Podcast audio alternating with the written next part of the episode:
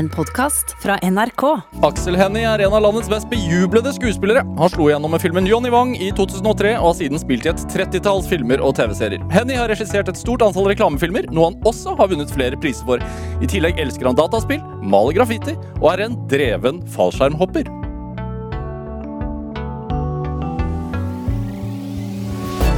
Dette er Drivkraft med Vegard Larsen i NRK P2. Aksel Hennie, varmt velkommen til Drivkraft. Tusen hjertelig takk. Hvordan har du det? Jeg har det veldig bra, jeg.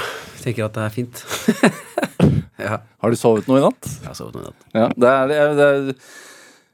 Hvordan er egentlig en typisk morgen for Aksel Hennie? Uh, den typiske morgenen min er ganske lik tror jeg, den typiske morgenen for veldig mange andre. Spesielt nå, når det er korona, hvor vi er hjemme. Mm, Det er å stå opp og spise frokost med de man er glad i. og står, er, du, er du en sånn Drar du deg om morgenen, eller? Jeg er jo egentlig en fyr som liker å dra meg om morgenen. Ja. Og så er jo det, når man har fått familie og alt mulig sånn, så er jo ikke det alltid like enkelt. Nei. Gratulerer med pappa for tredje gang. Tusen hjertelig takk skal du ha. Hvordan, hvordan, øh, hvordan er det? Er det like magisk tredje gang? Jeg er ikke så glad i å prate om sånn eh, familieliv og privatliv og sånn, vet du. Jeg vet det. Men øh, som jeg sa Jeg syns det er veldig Jeg har det veldig bra. Ja. Eh, men, men du kan jo altså Det å prate om privatliv er én ting, men, men er det sånn ting som er viktig for deg som pappa? Kan du snakke om det, da? Jeg tror det jeg har snakket om før òg. Jeg tror bare at uh, jeg er oppvokst med en sånn grenseløs kjærlighet rundt meg. Uh, med en, spesielt med en mamma som Mamma tror jeg jeg var et sånn uh, satt i et juleselskap en gang, så var på noe sånn TV. Uh, noen stupekonkurranse eller et eller annet. Så sier mamma Det der kunne du klart, Aksel. Hva da? Nei, det han gjorde nå. Du mener å stupe på olympisk nivå? Nei, det kunne jeg ikke klart. Jo, det kunne du klart hvis du prøvde. Og den, eh, Hvor, det, unnskyld, men hvor gammel var du da? da du, Nei, da var jeg jo bare 25, da, kanskje. Så det er ikke noe sånn Det er ikke noe sånn Det fins ingen Det fins ikke noe sånn naivt søtt over det. Det er helt sånn Hun beintror at jeg kan gjøre hva som helst, og det er jeg vokst opp med. Og det har jo Selv om jeg ler litt av at jeg ikke kan stupe som en olympisk stuper, så får hun meg til i ett sekund å tenke ja, kanskje hvis jeg Og det tror jeg Jeg tror den tanken om at man kan få til alt, den tror jeg er uh, suverent viktig. Eh, det betyr ikke at man tenker at man er bedre enn andre folk, men at alle muligheter er åpne for deg, at du kan eh, ja, Bare følelsen av at de menneskene som er nær deg, tror på deg da, og støtter deg i eventuelt alt det måtte være. Ikke sant? Det, det tror jeg er viktig. Og det som, som pappa så tror jeg, tror jeg har svart en gang før at jeg tror liksom det viktigste for meg det er at det er liksom en ubegrensa mengde med kjærlighet å hente fra. Eh, dypeste armkroken du kan få, eh, de lengste samtalene hvis du trenger det. Og bare være et, en forelder og være et medmenneske som er til stede uansett. Og snakke naturlig og alvorlig til deg fra du er null år gammel. er det, altså, du er skuespiller og er jo, be, har jo bekledd en drøss med roller. Er, en klisjé, kanskje, men sånn papparollen er den vik største og viktigste. Men det er jo helt sånn naturlig. ikke sant? Altså, det er en, alle de andre rollene du spiller, de får et terningkast, og så blir folk glad i det, eller så blir de ikke glad i det, og så kan du gå videre. Men de unge er med deg uansett. Er det, altså, du, som du sier, du er ikke så glad i å prate om det der, og du er veldig flink til det, syns jeg, å, å skjerme privatliv. Det er viktig, da. Og, ja, hvorfor er det det? Nei, for jeg tror at øhm, jeg har valgt meg et liv som er synlig. Jeg har valgt meg et liv som er offentlig. Og det har ikke de folka som er rundt meg. De har valgt seg meg. Uh, og det er jeg selvfølgelig ekstremt takknemlig for. Ungene mine har ikke valgt meg, selvfølgelig. Det er jo bare, det er bare flaks. Men, uh, men uh, jeg tror det handler om at de skal få lov til, de folka som er rundt meg, skal få lov til på et eller annet tidspunkt sjøl å velge om de har lyst til å bli sett. Eh, fordi at jeg er veldig takknemlig for at jeg blir sett på den måten som jeg gjør, og at jeg får lov til å ha et publikum når det jeg driver med, krever et publikum. ikke sant? Hadde ingen sett det jeg hadde gjort, så um, hadde jeg ikke følt meg like ja, altså, viktig, eller det, det jeg gjør, hadde ikke føltes like um, nyttig, tror jeg, for meg sjøl, da. Uh, men det er jo, kommer jo med en pris, det å bli Det å være så offentlig og, og sånn. Og når du ikke har jobba for å skaffe deg den, det trykket sjøl, så skal du få lov til å slippe det. Hva er prisen, da? Nei, det er jo bare at uh, det er vanskeligere å være lei seg offentlig. Hvis du, hvis du har en dårlig dag, så er det Du må på en eller annen måte Jeg tror også i møte med andre mennesker uh, Det handler jo ikke om meg, det handler om alle. Men i møte med andre mennesker så kan man gjøre det man kan for at folk skal ha det bra. Eh, og når man er offentlig, og når man blir sett av mange, så er det mange som ønsker å prate med deg. eh, Eller møter deg, eller sier si noe til deg, eller Og det er jo som regel alltid hyggelig. Men innimellom, f.eks. hvis man har en dårlig, dårlig dag, eller det har skjedd et eller annet, drap, så kan det være tungt. Eller det kan være et trøkk som Men når det er sagt, jeg sitter ikke og klager over at, eh, at eh, folk eh, interesserer seg for det jeg gjør, for det er viktig, virkelig, det er jeg virkelig enormt takknemlig for. Da. Ja, Det er viktig i yrket ditt, tenker jeg, men, det, men samtidig så har det jo forandret seg helt sånn vanvittig. Altså, jeg, som jeg nevnte i introen her, så slo du gjennom 2003 med Johnny Wang. Eh, film som altså, var din hovedrolledebut. Du vant Amanda-prisen for den. Eh, samme år så spilte du i filmen Buddy, som vant Amanda-prisen for beste film. Altså, du ble sånn Over natta nesten så visste alle i Norge hvem Aksel Hennie var. Og, og eh, Norge var et litt annet land i 2003. Det, var, det, det her var jo før sosiale medier også. Nå 2020, det er ikke så lett å verne privatlivet sitt når alle har et kamera i lomma. Nei, det er jo liksom Det er jo én greie. Man må jo liksom passe seg. Men det er jeg ganske glad for, for da slipper jeg å gjøre de største feila. Det er jo det jeg tror liksom balanseringa, i hvert fall av meg som menneske, er jo liksom å Man har masse drifter og impulser og, og sånn som man skal lære seg å styre. Og det er jo det, for eksempel. Hva Nei, det er bare menneskelige ting, liksom. Ikke bli for sint, eh, for eksempel. Ikke bli for glad, eller jeg vet ikke. Man får man har en sånn derre Man veit at liksom, hvis jeg driter meg ut nå, så da blir det sett av mange flere enn Hvis du klager på noe i butikken, så Ja, det er sånn. så ser han ved siden av at det er Aksel Hennie som klager på noe i butikken, Ja. og sier det kanskje hjemme. Ja, da må det bare være prøve alt du kan og ja. Er det, er det litt sånn at hvis du har en dårlig dag, da, så er det vanskeligere for deg? Altså, tenker du da sånn Uff, da går jeg ikke ut. Nei, jeg gjør ikke det. Altså, jeg føler at øh, Jeg tror liksom ærlighet i møte med folk eh, trumfer alt uansett. da. Jeg tror det handler om å liksom, uansett hvem du møter, bare være rein på hvordan du har det. Bare eh, prøve å være åpen og naiv og ærlig så lenge man kan, liksom, i forhold til møte med folk, da. Du er på sosiale medier. Du har eh, på Instagram-kontoen din 80 400 følgere. Ja. Følger to. Ja, jeg følger én, egentlig, men jeg alltid er, Når jeg sitter og scroller ting, så kommer jeg alltid borti. Så det er alltid én som eh, får lov til å være med og følge. Jeg følger bare kona mi, da. Altså, så du er ikke så veldig sosial på sosiale medier? Nei, men jeg får veldig mange hyggelige meldinger som jeg svarer på. Altså Hvis folk sender meg sånn DM, så det skjer ofte. ofte. At folk sender meg sånn uh, direktemeldinger og enten spør om ting eller eh, lurer på ting eller har lyst til å komme eller si noe om det jeg gjør, og så svarer jeg som regel på det. Eh, så sånn sett så er jeg sosial.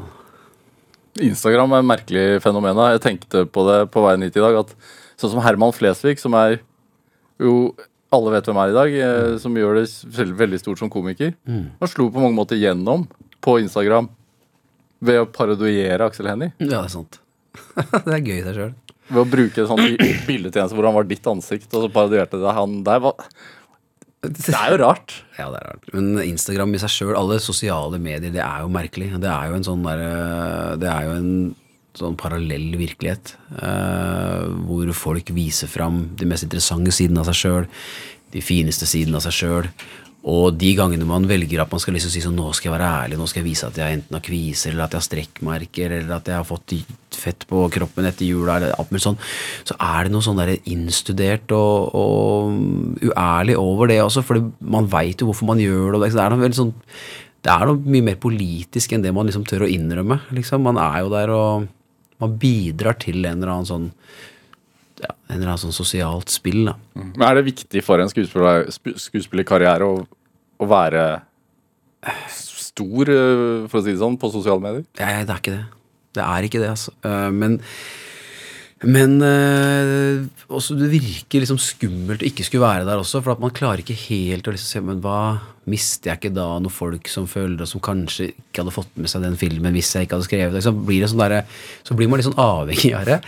Eh, men man veit jo det, at når jeg skal jeg er på en eller annen film og reklamerer for den, så er det reklamert for en million ganger før på alle, alle millioner andre steder, liksom. Så nei, jeg tror ikke det er viktig, egentlig.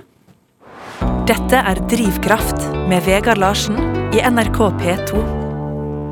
Og i dag er eh, skuespiller og regissør Aksel Hennie her hos meg i Drivkraft på NRK P2. Eh, akkurat ferdig med filminnspilling. Eh, skrekkfilm, er det er det det? Altså The Trip? Nei, det er ikke skrekkfilm. Det er ikke det. Det er jo en slags uh, Jeg vet ikke, Jeg har tenkt mye på hva det er for noe. ass. Det er jo, men altså, Du, du spiller mot svenske Nomi Rapace. Ja. Uh, norske Tommy Wirkola har regi. ja. Sånn jeg har lest det, så handler det om et par som reiser ut i skauen for å drepe hverandre. ja. En, ja han, jeg, som, han jeg spiller, har gått lei av kona si. Skal ta livet av henne. Det har hun fått med seg, og da bestemmer hun seg for å bli med på den turen for å drepe meg. Men når de da er på den hytta og skal ta livet av hverandre, så finner de ut at det er tre straffedømte fanger som har gjemt seg på loftet, som eventuelt da kanskje har lyst til å ta livet av dem. Komedie, dette her, da. slags komedie, slags Det er beinhard, eh, beinhard, mørk komedie, vil jeg si. Okay. Hvordan er det i, Jeg har hatt det fantastisk med å spille den inn. Men hvordan er det i koronaens tid? Det er jo øh, Å spille en film, Ja. Det er ganske uproblematisk. Altså. Man vet jo hva man forholder seg til. ikke sant? Man, eh, man blir jo en liksom Hva skal man si? Blir en litt sånn større kohort, og så bare eh, må man ha eh, en smittevernsansvarlig, eller flere på sett, som liksom spriter over alle ting man gjør og alt sånt. Men man er jo liksom Man må jo jeg og Nomi skal spille mann og kone, liksom. Vi er nødt til å være nære. Vi kan ikke late som at vi Eller så blir det en sånn koronafilm. Hvor det, og det er ikke alle filmene som blir lagd liksom nå i 2020 og 2021. Kan ikke, alle kan ikke gå med munnbind. og liksom alt, Alt kan ikke handle om det. Vi må liksom ta tilbake det vi føler er reelt liv, da. Ikke sant? Men må man da sitte i øh, altså du, når, når du spiller i den filmen, så kan du ikke omgås andre enn de som er Ja, men det, det skjer jo ganske naturlig. Du har liksom 12-14 timers dager, og så du drar på jobben, drar hjem og legger deg. det er jo ikke Altså, det, er jo, det skjer jo litt av seg sjøl. Det er jo veldig intensivt i de ukene, og månedene det holder på. Men tenker du at uh, den pandemien som pågår nå, altså kinoer over hele landet er stengt ned uh, Frykter du for liksom bransjen din? Nei, jeg gjør ikke det, men den er i en enorm forandring, og det har den vært lenge. Eh, og jeg har ofte, liksom, før dette her skjedde, så har jeg tenkt liksom uh, Kinoen, som er, et veldig, som er et veldig viktig sted for meg, et veldig sånn viktig rom, ikke bare som utøver, men også som mottaker og publikum. Det å sitte i en mørk kinosal, kjenne at du er sammen med kanskje 500 andre mennesker, alle er stille på samme tid, alle puster, alle gråter på samme, samme tid, og alle har respekt for hverandres følelser. Det, den, den følelsen som oppstår i et kinomørke, det har for meg alltid vært helt magisk, og det har jeg vært redd for at skal forsvinne med liksom, all strømmetjenester og sånn, som er fantastisk, ikke sant, men nå øh, med den koronaen så har jeg tenkt liksom Jeg tror ikke vi kommer til å gå tilbake 100% der vi har vært med kino. Det er jeg litt grann, eh, redd for, men det tror jeg på en eller annen måte er en eller annen eh, naturlig sånn evolusjon i måten vi skaper liksom, uttrykk på og sånn. da. Blir det andre filmer av det? Eh, ja, det vil det naturligvis bli. Eh, og det Jeg hørte på en podkast med Brett Easton Ellis når han snakka med Quentin Tarantino om akkurat det der. Og Brett Easton Ellis var sånn fyr og flamme og jævla forbanna for at uh, filmer har veldig lite liksom scope over seg da, nå, ikke sant? At man At det er Hva vil si, scope? Altså, at det er mye det er mye nærere bilder. Fordi at vi ser det på mindre skjermer, så kan vi ikke ha sånn derre øh, store bilder med en liten mann nede i høyre hjørne som ser utover et svært intet, fordi vi ser ikke han fyren. Det blir bare sånn landskapsbilde. så vi, sånn TV, det blir litt sånn TV-estetikk på mye filmer, og det skal man, tror jeg, passe seg for. For at uh, mye av det gode liksom Dette blir jo veldig sånn nerdete filmaktig, da, men mye av liksom, det gode filmspråket ligger også i de store bildene og i de pustepausene og uh, og det er vanskeligere å få til det på en iPhone, liksom, som veldig mange, spesielt unge, ser på film på. da. Hvor filmnerd er du? Jeg er, øh, jeg er på en skala Jeg er jo opptatt, veldig veldig opptatt av film, og veldig opptatt av mine sånn sære ting med film. Men jeg er ikke sånn fyr som f.eks. min øh, veldig gode venn Marius Holst, som kan Altså regissør? Marius Holst, som kan liksom alle datoer, alle navn, alle utgivelsesår. Altså, sånn er jeg ikke. Men jeg er jo nerd fordi at det er yrket mitt, fordi at jeg er, at jeg er opptatt av det. Og jeg, jeg ser nok film på en litt sånn annen måte enn det mange andre som ikke driver med det, gjør. Men, Eh, men tenker du visuelt? Tenker du filmatisk hele tiden? Uh, kanskje. Det tenker, ja, det gjør jeg kanskje. Jeg tenker nok eh, Ja, det gjør jeg kanskje. Men jeg tenker også, jeg tenker ofte også øh, hvis jeg enten overhører en interessant samtale, eller sitter i en interessant samtale, eller, så tenker man sånn Å, det, det har jeg lyst til å ta med Det har jeg lyst til å ta med meg og bruke en eller annen gang. Så man er jo veldig sånn øh, Man får lyst til å dra med seg det man opplever inn i mm, kunsten sin, da. ja. Blir man litt sånn og, og så, det med, Du snakker om det scope, de store bildene, men, men film er jo veldig mye de nære bildene. Ansiktet. Hvor bevisst er du over over ansiktet ditt? Nei, altså jeg eh, Heldigvis, eh, en gang så Når jeg gjorde Uno, jeg hadde regi på Uno, da fikk jeg metta mi på å se meg sjøl og alt mulig sånn. Jeg tror som skuespiller, de beste skuespillerne, de skuespillerne som jeg er veldig opptatt av sjøl også, det er folk som ikke bryr seg om hvordan de ser ut når de når de utøver. Jeg er opptatt av, altså jeg bruker f.eks. monitor på arbeidet mitt. Jeg ser hva jeg gjør for å se etter om det jeg forsøker å spille ut, syns. Eh, Så jeg bruker liksom monitor som en sånn referanse.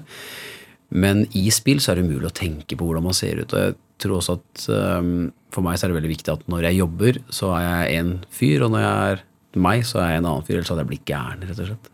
Ja. Er det eksempler på folk som ikke har, har de to forskjellige? Jo, men det tror jeg. Jeg, tror det også, jeg tror det er lett. Jeg tror det er lett å gå inn i en sånn uh, virkelighet hvor du tror at uh, sånn som folk forholder seg til deg på filmsett, så når du er skuespiller, at det er en sånn måte du kan, du kan bli forholdt til på, i, ute i verden, og det er jo ikke. Er det, jeg hadde uh, Stellan Skarsgård her i en annen drivkraftsamtale. Verdens fineste fyr. Han sa det at, eh, at det var veldig viktig for han å vite hva melk kosta, eksempel. Ja, men hvis man skal snakke om uh, Stellan, så er jo det Jeg har vært så heldig å få lov til å spille med han uh, i en film en gang, og eh, han har i kontrakten sin han, at alle, alle skal ha like bra mat som han på sett, og han skal ha bra mat. Så han har han, Kontrakten hans tar vare på liksom produksjonsassistenten. At hun eller han skal få lov til å spise godt hver gang han er på sett. Det syns jeg er så, det er så nydelig liten detalj som uh, Har, har du noe sånt i kontrakten din? da? Uh, jeg prøver å få inn akkurat det samme. Jeg syns det er så utrolig fin uh, Jeg synes det er så fin uh, sånn Hva heter det? Awareness? Hva heter det? Um, det er bare fint sett, da. Det er bare, Bevisstgjøring. Bevisst, det er bare, bare fin liksom, bevissthet. At man liksom Man er ikke noe bedre enn andre folk, selv om veldig mye av dagen handler om deg på et filmsett. Nei, uten de andre, så Det er akkurat sånn det er. ja. Dette er Drivkraft med Vegard Larsen i NRK P2. Og i dag er eh, skuespiller Aksel Hennie her hos meg i Drivkraft eh, i NRK P2. Eh, du er fra Lambertseter i Oslo. Hva slags plass er Lambertseter? Ehm, jeg tror Lambertseter har forandra seg ganske mye fra når jeg vokste opp der. Eh, jeg er veldig veldig glad i stedet jeg kommer fra. Uh, det er jo den første drabantbyen i Oslo. Uh, ganske liksom Ganske rikt liv med masse forskjellige folk. Når jeg vokste opp, så var det folk som hadde, hadde god økonomi, og folk som hadde mindre god økonomi. Det var jo Hva hadde dere da? Nei, vi hadde, vi hadde god økonomi. Mamma var utrolig flink sånn økonomisk i forhold til å spare og, og veldig sånn og veldig opptatt av å vise meg hvordan, øh, hvordan penger ble brukt, og hvordan man tjente og Det var en gang i måneden så ble det lagt fram et sånt monopolspill hvor man viste med penga det går penga til. sånn. Er det sant? Ja, ja. Det var jo heavy. altså. øh, jeg har ikke levd noe sånn der, jeg har ikke, jeg har ikke vært noe fattig. altså Virkelig ikke. Jeg har levd et ordentlig, ordentlig, ordentlig god hatt en ordentlig god barndom, men det er liksom Jeg tror liksom Hva uh, drev moren og faren din med da, da du kom til verden? Uh, mamma var layout-tegner i et ukeblad. Uh, og pappa var Drev med eh, drev eiendom. Hvordan, hvordan var du da? Mm, Jeg veit ikke. Eh, jeg var masse sammen med mora mi. Uh, enebarn. Jeg er veldig, jeg, det er prega av. Jeg er prega av at jeg, er et enebarn. Hvordan, hvordan da? Nei, det er bare er, tror jeg er ganske egoistisk på mange områder og mm, selvopptatt. Eh, eh, og det er ting som man prøver å jobbe med, men jeg tror det eh, jeg, har er ingen, jeg har ikke måttet liksom Før jeg blei seks og jeg, jeg fikk broderen, så måtte jeg aldri liksom eh, jeg, måtte jeg måtte krangle med noen om hvor mye saft det skal være i glass og sånn. Og så var jo broren min var jo liksom det som folk kaller halvbror, da. Så vi bodde jo ikke sammen hele tida. Vi bodde jo sammen annenhver helg. Er ikke det et rart uttrykk? Helt, helt merkelig. Mm. Jeg hadde en samtale med en, faktisk en fyr på Instagram. En amerikansk fyr som sønnen hans hadde sett på meg i Hercules og syntes at uh, det var så kul film. Og så begynte jeg å prate med han og sendte over en del av kostymet mitt til han, for han var så fan. Uh, og så begynte jeg å prate med faren hans.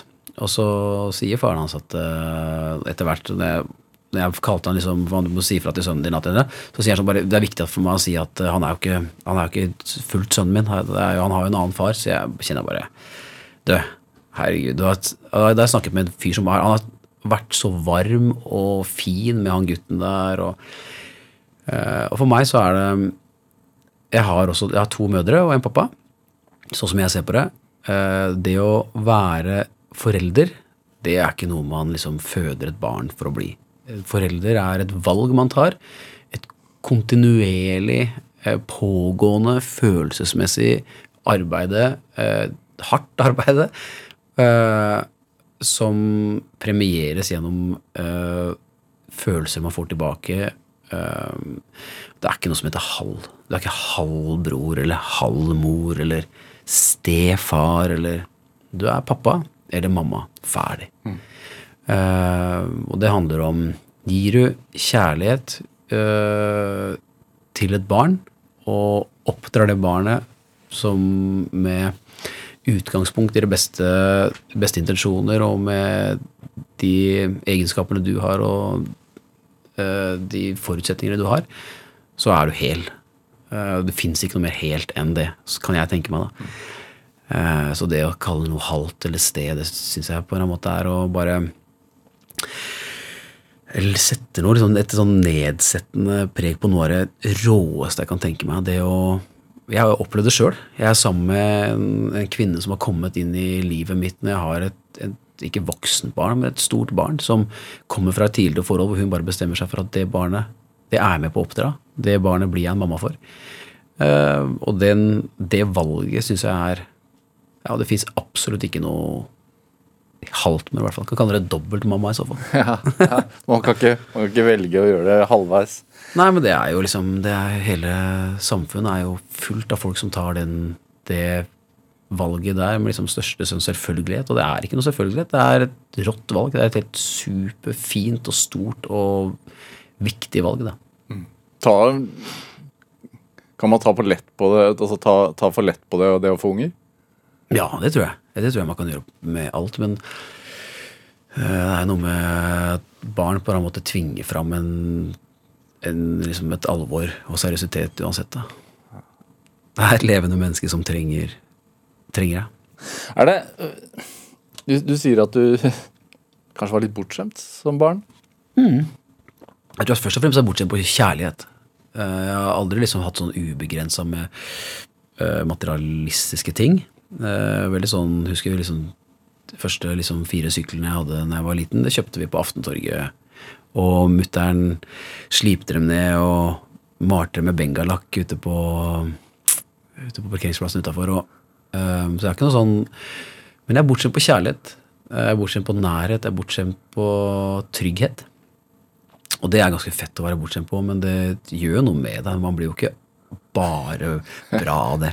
Nei, du, men blir man, blir man også en klemmer? Du er jo en klemmer. Ja, jeg, er veldig, jeg er ekstremt opptatt av å gi det samme som jeg har fått sjøl. for jeg har syntes det har vært så fett. Jeg har syntes det har vært så godt. Jeg har syntes det har vært så viktig for meg.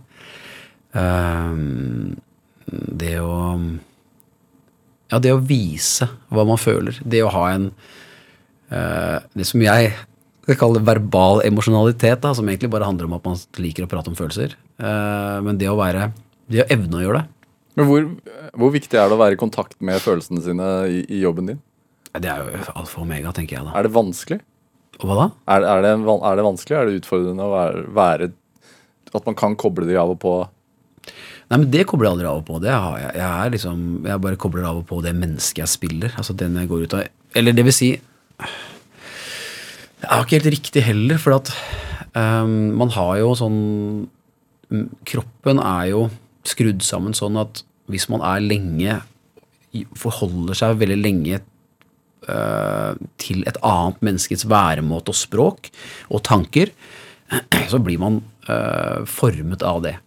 Hvis man spiller en Jeg husker jeg spilte en fyr i en film av Eva Sørhaug som han er utrolig så forknytt og veldig sånn i søken både på liksom livet og legning og alt mulig. Og, ehm, Er det lunsj? ja, og da kjente jeg at jeg var, etter jeg var ferdig med innspillinga, så var jeg sånn ekstremt stiv i hele kroppen, i nakken, og hadde masse hodepine. og sånt. Det er fordi at, og man får lov til å Det er jo liksom et av En av premiene jeg har som, som skuespiller, at jeg får lov til å kjenne hvordan folk har det inni seg. Ved å få lov til å gå lenge over tid og være, være gåsetegn et, et annet menneske, da. Eh, men alle roller jeg spiller, gjør noe med kroppen min og gjør noe med bevisstheten min. Når man spiller Hamlet, så er det helt umulig Når man spiller Hamlet et halvt år på teater, så er det helt umulig å ikke tenke på sine egne tanker om selvdrap, f.eks. Ikke sant? Eh, og er man et, et menneske som tar arbeidet sitt på alvor, som jeg håper at jeg er, og som jeg tror at jeg er, og som jeg forsøker å være alt jeg kan, så gjør man den researchen man skal, og setter seg inn i hva det er for noe, og alt mulig sånn, og det påvirker deg. Det på, alle alt du fòrer kropp og, og sjel med, påvirker deg som menneske, og det burde man jo alle sammen, kanskje i enda større grad enn det man er flink til, huske på, da. Det Selvterapi, egentlig? Jo, men jeg tenker også liksom, hvis dagen din består av øh, jobb som du ikke er så glad i, øh, hjem og spise middag som du ikke er så viktig for deg, og så ser du på Paradise Hotel og går og legger deg, da er det Paradise Hotel som er inputen din. Og hvis det er inputen din i f.eks. to måneder, da, så gjør det noe med deg. Det er ikke helt umulig at de ikke gjør det. Hva gjør det, tror du? Nei, jeg veit ikke. Kanskje du vil få litt lyst til å drikke og Men, men som eh, Altså, var du, var du spenningssøker som barn? Ja, men jeg, øh, men jeg har alltid vært kalkulert risikotaker. Jeg har gjort helt sinnssykt idiotiske, farlige ting. Som for eksempel? Nei, stå på henda på T-banetaket. Ikke sant? I fart. Så, øh, og gjøre sånne ting som har vært helt sånn Som folk har jo Hvorfor det? Hvorfor er det dumt? Nei, hvorfor? Det, det sier seg selv. Men hvorfor gjøre det i utgangspunktet? Jeg har aldri drevet med rus. Aldri. Eh, Jeg begynte veldig veldig seint å drikke alkohol. Eh, Og jeg tror at jeg henta Hva er seint? eh, alkohol. Nei, jeg prøvde å drikke liksom fire-fem ganger da jeg var 15, og så begynte jeg ikke å drikke igjen sånn ordentlig før jeg var liksom 20, 18-19-20, liksom. Eh, da var jeg ikke så synes opptatt av det, men jeg har aldri vært opptatt av rus. da. Jeg, aldri, jeg liker ikke det der å miste kontrollen. Jeg liker å ha kontroll. Um, Hvorfor det, tror du? Jeg veit ikke. Men jeg husker et, et minne som jeg har. For jeg gikk på fritidsklubben på, Nei, ikke fritidsklubben, så er fritidshjemmet. Uh, som jeg var på uh, etter skolen. Oppe rett bak fritidshjemmet så var, lå Lambertseter gård. Og bak Lambertseter gård, der møttes junkiene på Lambertseter og satte skudd. Eh, og husker jeg en gang hvor jeg, jeg klatra opp et sånt høyt, høyt tre, og så satt jeg ned og jeg syntes det var veldig spennende å se på dem. Og så var, satt det én fyr der, og satte et skudd, sikkert med heroin, da, og grein mens han gjorde det. Og det satte et enormt støkk i meg. Eh, Jeg syntes det var så kjempetrist. Eh, Og så skjønte jeg ikke helt hvordan man kunne gjøre noe som det så ut som han ikke ville det, og så måtte han gjøre det. Det syns jeg så så skummelt ut, at det har fulgt med meg. Eh, og samtidig så li, har jeg aldri likt at folk forandrer eh, uh, Forandrer liksom personlighet. Altså, det at voksne blir høylytte altså, Jeg har aldri likt det. Jeg har alltid følt det som, som noe utrygt. Men jeg tror det at jeg jeg har forstått at det etter hvert at det er ganske uvanlig, men jeg har aldri opplevd foreldrene mine rusa. Jeg har aldri opplevd eh, Jeg har hatt, et, jeg har hatt en veldig trygg oppvekst. ikke sant? Vi, har blitt skjerma fra det. Så de få gangene vi har opplevd at f.eks. hvis man var på en eller annen sånn Spania-tur på et eller annet sånn vingreiserhotell og, og så at folk ble fulle som satt på bordet sammen med deg og mora di, så var det veldig ubehagelig, syns jeg. Og jeg hadde ikke noe lyst til å være han fyren, og det har jeg fortsatt ikke lyst til å være. Og derfor uh, har jeg henta den rusen fra andre ting, ikke sant. Uh, så når folk satt og røyka bønner under eh, bydelsutvalget på Lambertseter, da stakk jeg heller bort og hoppa på det taket sammen med noen kompiser og sto mellom de Jeg vet ikke hva som er mest skadeligere, men, uh, men for, meg, for meg så For meg så gikk det bra. Eh, men jeg tror liksom den, den spenningssøkende Jeg tror alle mennesker har behov for en sånn outlet. Alle mennesker har behov for liksom sin fiks. da, ikke sant? At man, at man Enten så handler det om å sette seg ned og lese en god bok i en sofa og være aleine, eller så handler det om å reise, eller så handler det om å dra på en sinnssykt bra restaurant et par ganger i året. eh, eller så handler det om å hoppe fallskjerm eh, og gjøre ting som, som skaper et eller annet rom hvor, eh, hvor du kan føle deg i ett med deg sjøl, eller utfordre deg sjøl, eller føle deg liksom en, kanskje litt mer, da. Ikke sant? Jeg tror, det, jeg tror det er viktig for folk. Eh, Aksel Hennie, du har med litt musikk. Du har med en Kings of Leon-låt. Det var jo egentlig du som spurte meg. hvis Ja. jeg skulle hatt Ja, men det er, dette handler jo litt om det. Kings of Leon er et band som jeg hører ekstremt mye på. Og den låta vi skal høre på, som er Revelry, den handler egentlig om hvem man er hvis man ikke passer på. Eh, og Hva betyr det? Nei, det handler om eh, Revelry er vel direkte oversatt liksom fylleslag, kanskje. Men det handler mer om en sånn, sånn destruktivitet som handler om eh, Han sier vel et eller annet sted i låta der at eh, at han kom Han har vært ute. Han føl, han har følt at han måtte gjøre det han har måttet gjøre, men han kommer tilbake, kommer hjem, og så ser han at han har ødelagt alt det han elsker. Uh, og uh, jeg tror liksom alle har kapasitet til å være det mennesket. Alle mennesker har kapasitet til å følge impulser som ikke er bra for en sjøl, eller bra for de menneskene rundt seg. Og derfor er det bra at det fins band som Kings of Leon som skriver en helt kongelåt om, om det, sånn, sånn at vi kan liksom høre på den låta og tenke at de gangene jeg skal komme hjem, enten jeg har vært på byen eller hva jeg har gjort, så jeg kommer hjem, så skal jeg ikke ha ødelagt de tinga jeg elsker. What a night for a dance, you know I'm a dancing machine. With the fire in my bones and the sweet taste of kerosene. I get lost in the light so high, I don't wanna come down. Face the loss of the good thing that I found. Woo-hoo-hoo.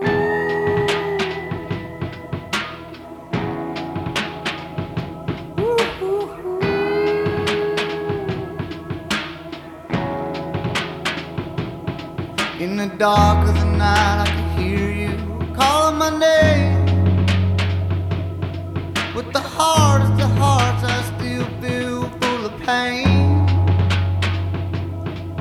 I drink and I smoke and I ask you if you're ever around.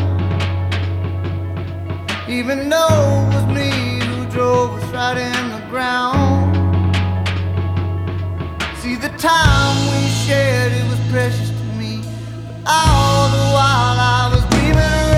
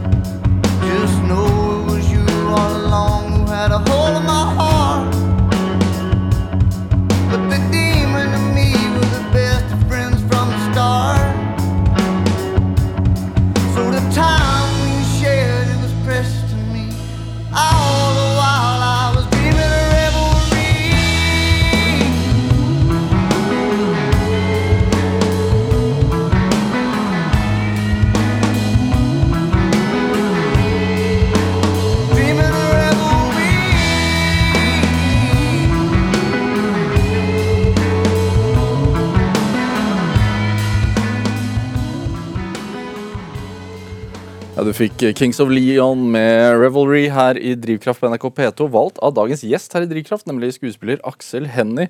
Altså, du snakket om at du var glad i å ta kalkulert risiko. Hvordan tar man kalkulert risiko? Det er, Nei, man må på en måte i situasjonen forstå begrensningene sine og mulighetene sine, og ikke ta de valgene som gjør at man eh, eh, At det kan gå ordentlig gærent, da. Men det er jo fortsatt en risiko. Så det er jo som livet, livet generelt, rett og slett. Men man kan ikke, man kan ikke, man kan ikke verne seg for eh, alt som er av sykdom og skade og uhell, men man kan så godt man kan kalkulere den risikoen man står i, da. du, vi snakket litt om, om, om øh, faren din du, tidligere. og Du, du hopper jo fallskjerm med faren din. Og du hoppet fallskjerm med broren din. Og du hopper fremdeles fallskjerm. Ja, jeg gjør det, altså.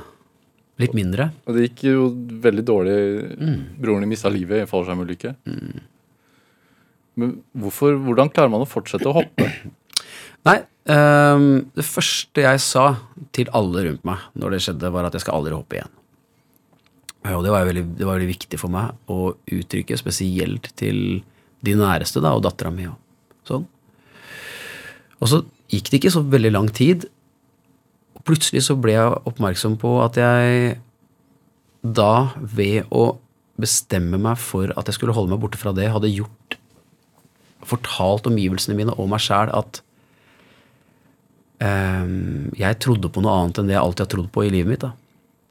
Eh, det er en sånn uh, det er, en, Jeg har glemt hva han heter, men det er en sånn big wave surfer som heter Hva heter han? Hamill Faen, Jeg skal komme på det. Men i hvert fall, han sier um, I'm not going to not live my life afraid of what could happen. Og det syns jeg er veldig fint. da. Um, det jeg bestemte meg for raskt, det er at hvis jeg skal slutte opp på fallskjerm, så skal det ikke være fordi jeg er redd. Da skal det være fordi at jeg tar et bevisst valg. Uh, og jeg skal heller ikke ta det valget basert på dårlige uh, erfaringer uh, eller sorg. Fordi jeg tror at hvis man tar et sånt valg, så kutter man av et ønske eller en drivkraft i seg sjøl eh, som gjør at eh, det vil være et savn i det. Så det som har skjedd nå, er at jeg, jeg har jo liksom fasa ut hopping mer og mer i livet mitt, bare fordi at øh, den gleden som jeg hadde, øh, den er ikke den samme. Men det var viktig for meg å fortelle datteren min at vi slutter ikke med noe fordi at vi er redde. Vi slutter med noe fordi vi, fordi vi øh, bestemmer oss for å gjøre det, øh, basert på masse greier. Det var viktig for meg i hvert fall at hun så at pappaen hennes hadde en, en en bevisst tanke rundt det, han, det jeg gjør. At jeg ikke bare Jeg skjønte ikke helt hvilken pappa jeg var hvis jeg bare stakk fra et problem jeg hadde. For det var det jeg opplevde at jeg gjorde da. Eh, Jeg kan selvfølgelig eh, Jeg kan selvfølgelig rettferdiggjøre det valget ved å si at eh, den, jeg er ikke villig til å ta den risikoen lenger. ikke sant? Men det var ikke sant. For det, det grunnen til at jeg stoppa, var fordi at uh, Nei, det var um, At jeg var lei meg. At jeg var redd, og at jeg uh, begynte å se på ting på en litt annen måte. Og det trengte, trengte å modnes i meg, og finne ut hvordan man skulle deale med det. Men jeg er veldig glad for det valget jeg gjorde med å på en eller annen måte fortsette å leve. Jeg jobba på en film med en uh, regissør, en fyr som jeg ser opp til, og som, eh, som også har opplevd å miste broren sin i, til et selvdrap. da, og eh, det er et menneske som jeg opplever som et veldig sånn klokt, modent, voksent, intelligent menneske. Og jeg håpa når jeg skulle jobbe på den produksjonen at jeg fikk lov til å snakke med han om det, fordi vi hadde opplevd noe som var liksom nokså likt. da. Eh, Og det fikk vi. Det var helt sånn naturlig. Og så sier jeg til han, spør han liksom, hvordan, hvordan lever du med det? Og de var veldig nære, de òg.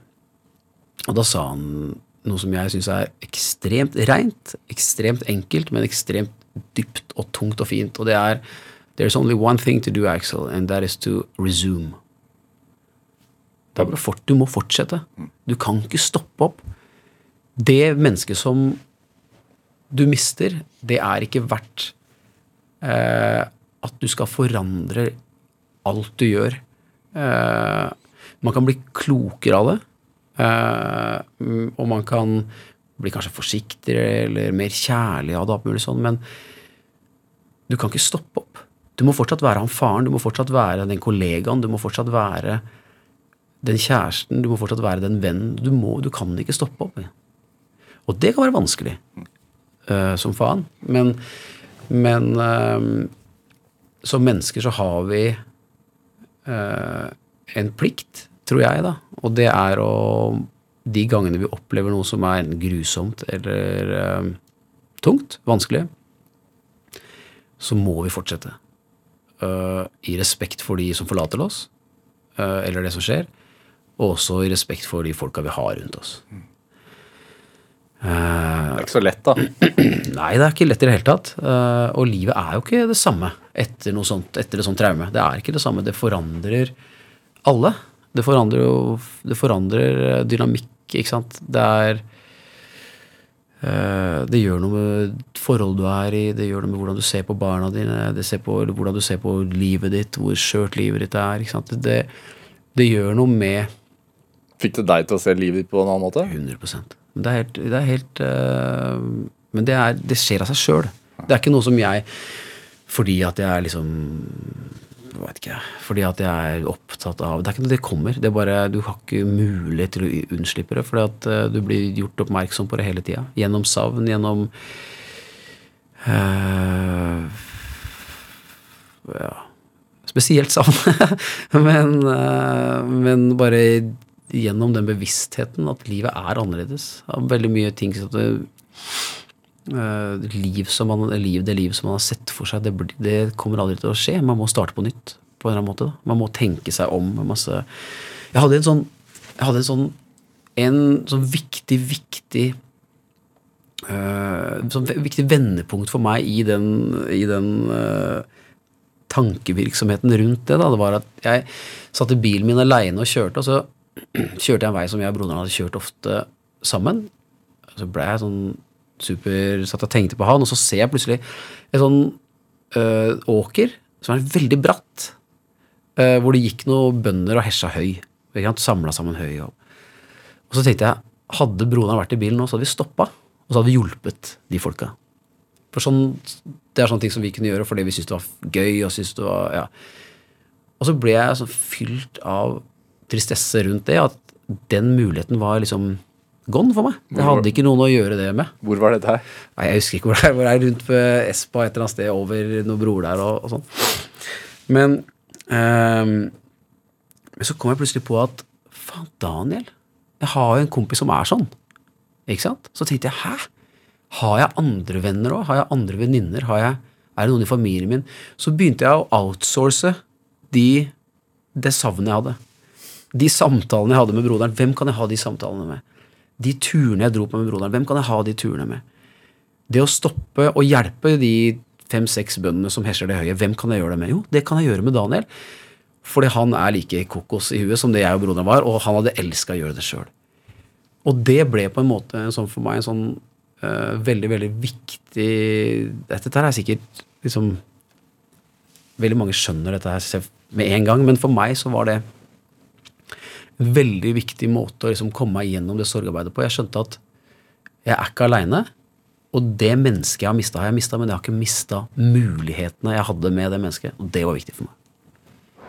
Dette er Drivkraft med Vegard Larsen i NRK P2. Og i dag er skuespiller Aksel Hennie hos meg i Drivkraft på NRK P2. Hvor Altså eh, Hvor vesentlig har hiphop-kulturen vært i livet ditt? Den har vært vesentlig av veldig, veldig mange grunner. Eh, jeg er ikke så glad i å snakke om det, for det er et, eh, det er et miljø som jeg liksom Som jeg ikke er en del av lenger.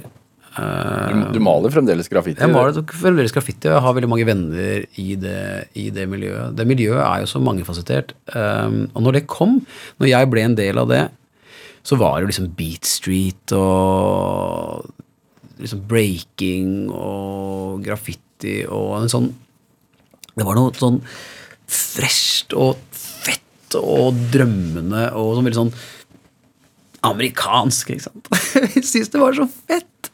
Uh, husker jeg var og så på liksom, så, husker jeg var og så på Beat Street. Jeg var ikke gammel nok til å se en sånn sammen med pappaen min. Og jeg husker folk breaka utafor kino. Det var sånn Det var sånn derre New York-stemning på Majorstua. Uh, musikken, ikke sant jeg, uh, Musikken har vært viktig for meg. Uh, jeg tenker på det spesielt, altså veldig veldig mye nå når vi snakker altså Det er den debatten som går om kulturell appropriasjon. Altså det, jeg følte at alle tekster som Ice Cube hadde, alle tekster som Ice-T hadde, alle tekster som NWA hadde, handla om meg.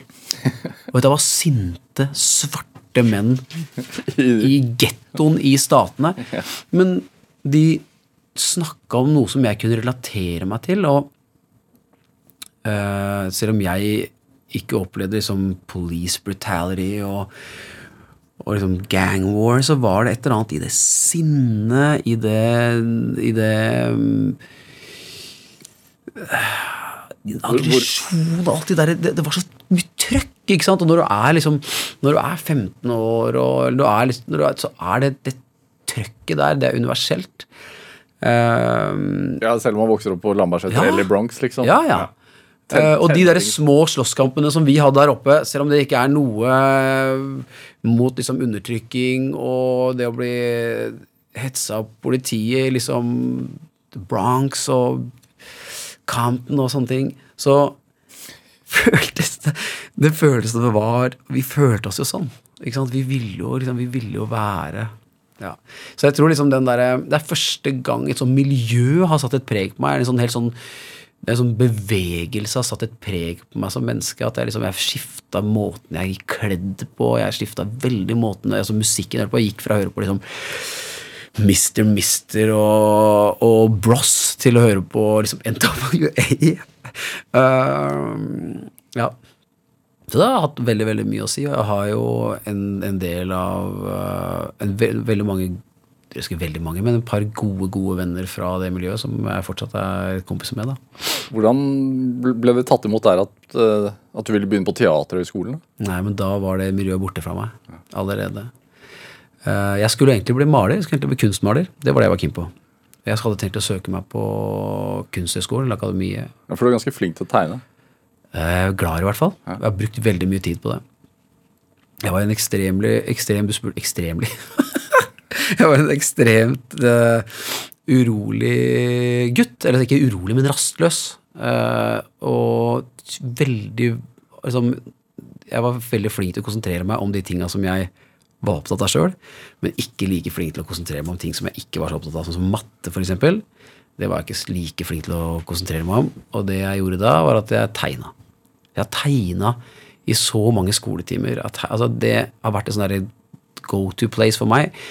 Og det er det ennå, hvor jeg kan liksom bare forsvinne helt inn, inn i noe som ikke skal vises til noen, som bare er for meg sjøl. Hva tegner du da? Nei, alt mulig. Sist jeg tror jeg tegna, var en hval med sommerfuglvinger. Skjønner du? Altså, alt er mulig. Alt er, det er bare eh, Jeg tror øh, eh, Nei, så den, den siden av meg Jeg husker ikke hva vi snakka om engang. Jeg var bare opptatt av tegning. At du skulle bli kunstmaler? Ja. Jeg skulle bli det, og så ble den veien stengt for meg på en eller annen måte. Uh, og så mm, skjønte jeg måten altså Plutselig så fikk jeg veldig gode karakterer i drama uten at jeg trengte å gjøre noe gjøre så mye for det. Så kjente jeg bare at kanskje, kanskje det er noe jeg kan elske å drive med det. På, jeg hadde, var med på revyene på Fagerborg, og, og plutselig så skjønte jeg bare at fader, kanskje jeg kan fortelle de samme historiene gjennom det. Hva slags historier? Nei, altså hvis man skal prate om det heter programmet Drivkraft, da. Og hvis man skal snakke om hva kanskje en av mine viktigste drivkrefter er, så er det å formidle historier. Eller formidle følelser. Eller formidle muligheter og håp og ønsker. Eh, de følelser som jeg har fått når jeg var et barn, av å se på malerier av Picasso eller Dali, eh, og etter hvert liksom andre kunstnere, eh, det var noe som jeg hadde lyst til å være med på.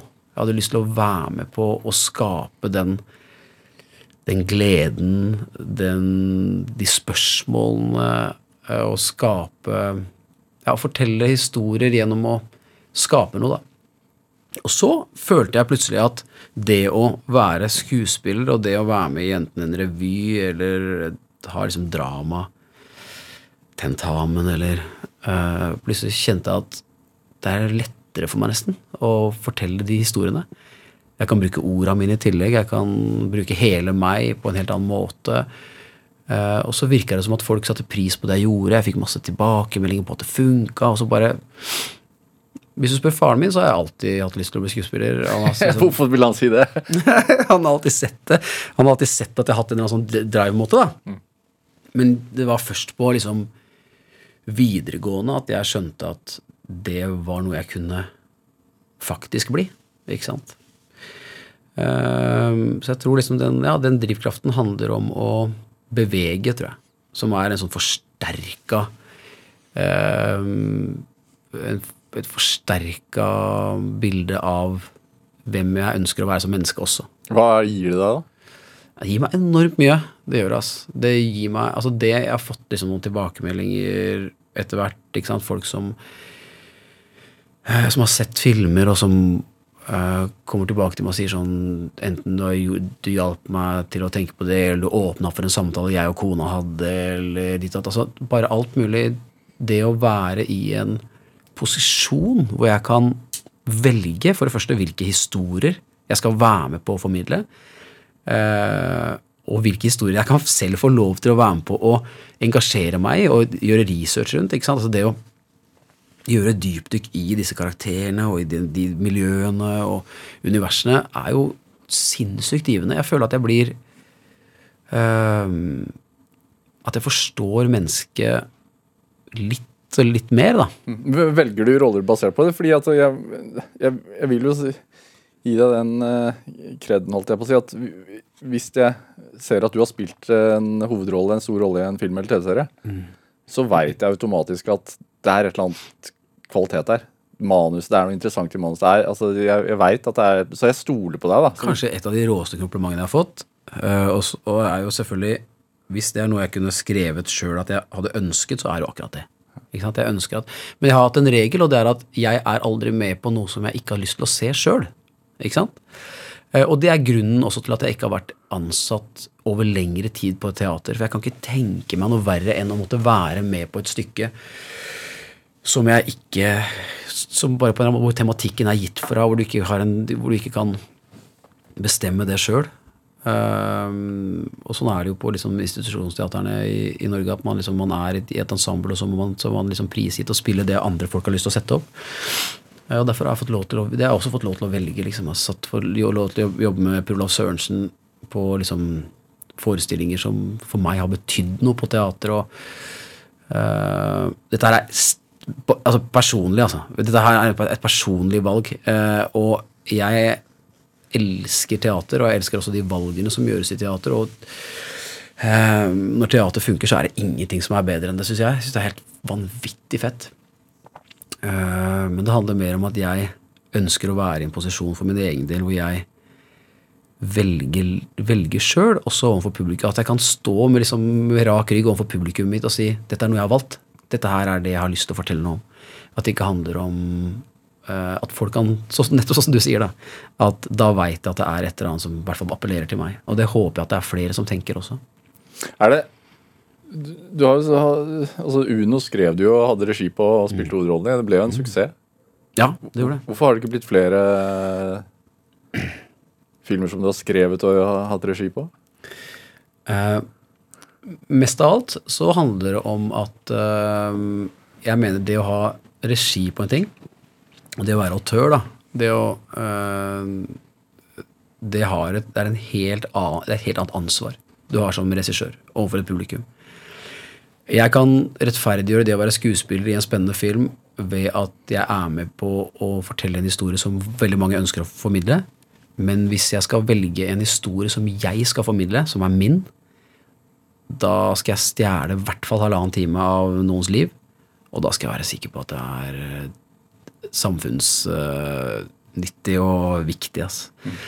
Uh, og så er det masse andre ting, men det kan jo hende at det skjer. Aksel Hennie, en time går uh, altfor fort. Er det gått en time har nå? gått en time. Det sjukeste. Tusen takk for at du kom hit til Drivkraft. Du, tusen takk for at det fins et program hvor man kan sitte og prate uten å tenke på noe annet enn å prate. Takk for det. Hør flere samtaler eh, i Drivkraft eh, i NRK på nett, eller last oss ned som podkast. Send oss også gjerne ris og ros eller tips til mennesker du mener har drivkraft. Send den e-posten til drivkraft.krøllalfa.nrk.no. Vi hører veldig gjerne fra deg. Følg oss også gjerne på Instagram på NRK-Larsen. Produsent i dag var Kjartan Aarsand. Anne Sofie Stang bidro også sterkt til denne sendingen. Jeg heter Vega Larsen. Vi høres. Du har hørt en podkast fra NRK. Hør flere podkaster og din NRK-kanal i appen NRK Radio.